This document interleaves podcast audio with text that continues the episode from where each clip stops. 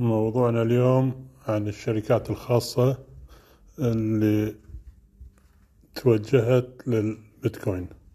والفكرة هني انه في شركات خاصة مطروحة على البورصة الأمريكية وغيره وطبعا يعني عندهم مبالغ من الدولارات مليارات مليارين ثلاث أكثر. فقاعد يشوفون اللي قاعد يصير مع الدولار اللي هو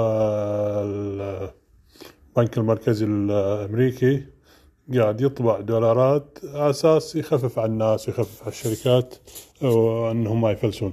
بس المشكلة إذا زاد عدد الدولارات بالاقتصاد قيمة الدولار تقل. فمثلا الأرض الفلانية إذا بيشتريها الواحد مليون دولار إذا يرجع لها بعد كم شهر تلقى سعرها مليون ونص. نفس الأرض نفس كل شيء مليون ونص.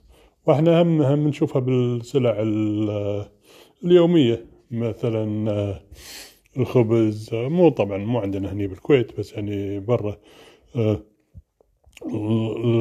الخبز أو الفاكهة وغيره إذا كان يكلف روحة السوبر ماركت أو الجمعية خمسين دولار مثلا.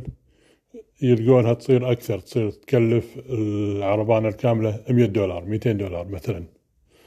فقيمة الدولار قاعد تقل وهم عارفين إن هالشيء راح يبين أكثر يعني مع الوقت لما يعني طلعوا فلوس الحين ويعني طبعوا الفلوس الزايدة هاليومين هالآخر كم شهر مع الكورونا.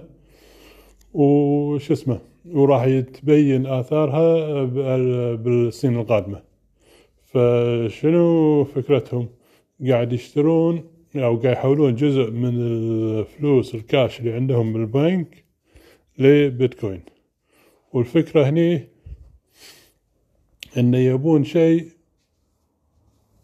عملة أو شيء له قيمة مو مربوط بالدولار. لو مثلا خلينا نقول شروا براميل نفط النفط يتقيم بالدولار فمربوط بالدولار. لو اشتروا مثلا أسهم بشركة ثانية هم هذه تقييمها بالدولار. لو شروا حتى أراضي البيع والمشترى مال الأراضي مربوط بالدولار. فيبون شيء ما له شغل بالدولار. والبيتكوين بالذات يتقيم بالدولار بس يتقيم بأشياء ثانية بعد. ومو مربوط بالنظام الاقتصادي أو الحكومة الأمريكية أو البنك المركزي. منفصل ومحايد وما له شغل فيهم.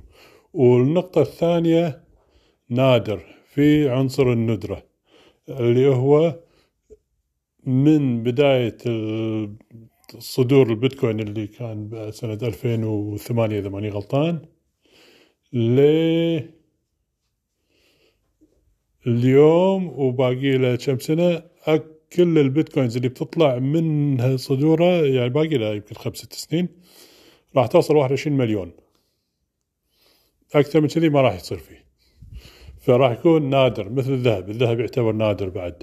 يعني المناجم عندهم كمية خاصة قاعد يطلعونها ولكن بالسوق معروف كمية الذهب وإنه مو سهل واحد يحصله. ولا كان الذهب لو ما كان نادر كان قيمة الذهب تصير نفس قيمة الحديد. الحديد موجود كل مكان الذهب لا مو كل مكان نحصله البيتكوين بالذات عنصر الندرة اللي فيه معروف ومحسوب. فعارفين عارفين هالشيء اللي اللي حولوا دولاراتهم للبيتكوين الشركات. بهالطريقة آه يقدر يأمن على دولاراته فإذا اليوم شرى البيتكوين آه، عشرة آلاف تقريبا سعره هاليومين بعد سنة أو سنتين أو ثلاث قيمته راح مو تتضاعف راح تصير أكثر بعد. فاكثر مقارنة بالدولار. فكذي مثل مثل يأمن جزء من فلوسه بعمله مو مربوطة بالدولار مو مربوطة بالاقتصاد العالمي وشبه أكيد إنه راح ترتفع. وراح ترتفع يعني مو 10% 20% راح ترتفع 10 مرات 20 مرة 30 مرة بالسنين القادمة الخمس سنين القادمة. ف فمن أشهر الأمثلة من الناس اللي سووا هالشيء آه، رئيس آه، تويتر اللي هو جاك. آه، عنده شركة ثانية اسمها Square تخصصها بالبيع والمشترى بال مثل point of sales اللي هو مثل النظام ال K-Net نظام المحاسبة مالت البزنسز ف فاشترى كمية أظن إذا ماني غلطان لحظة أشوف لكم الرقم. شرى دقيقة وياي.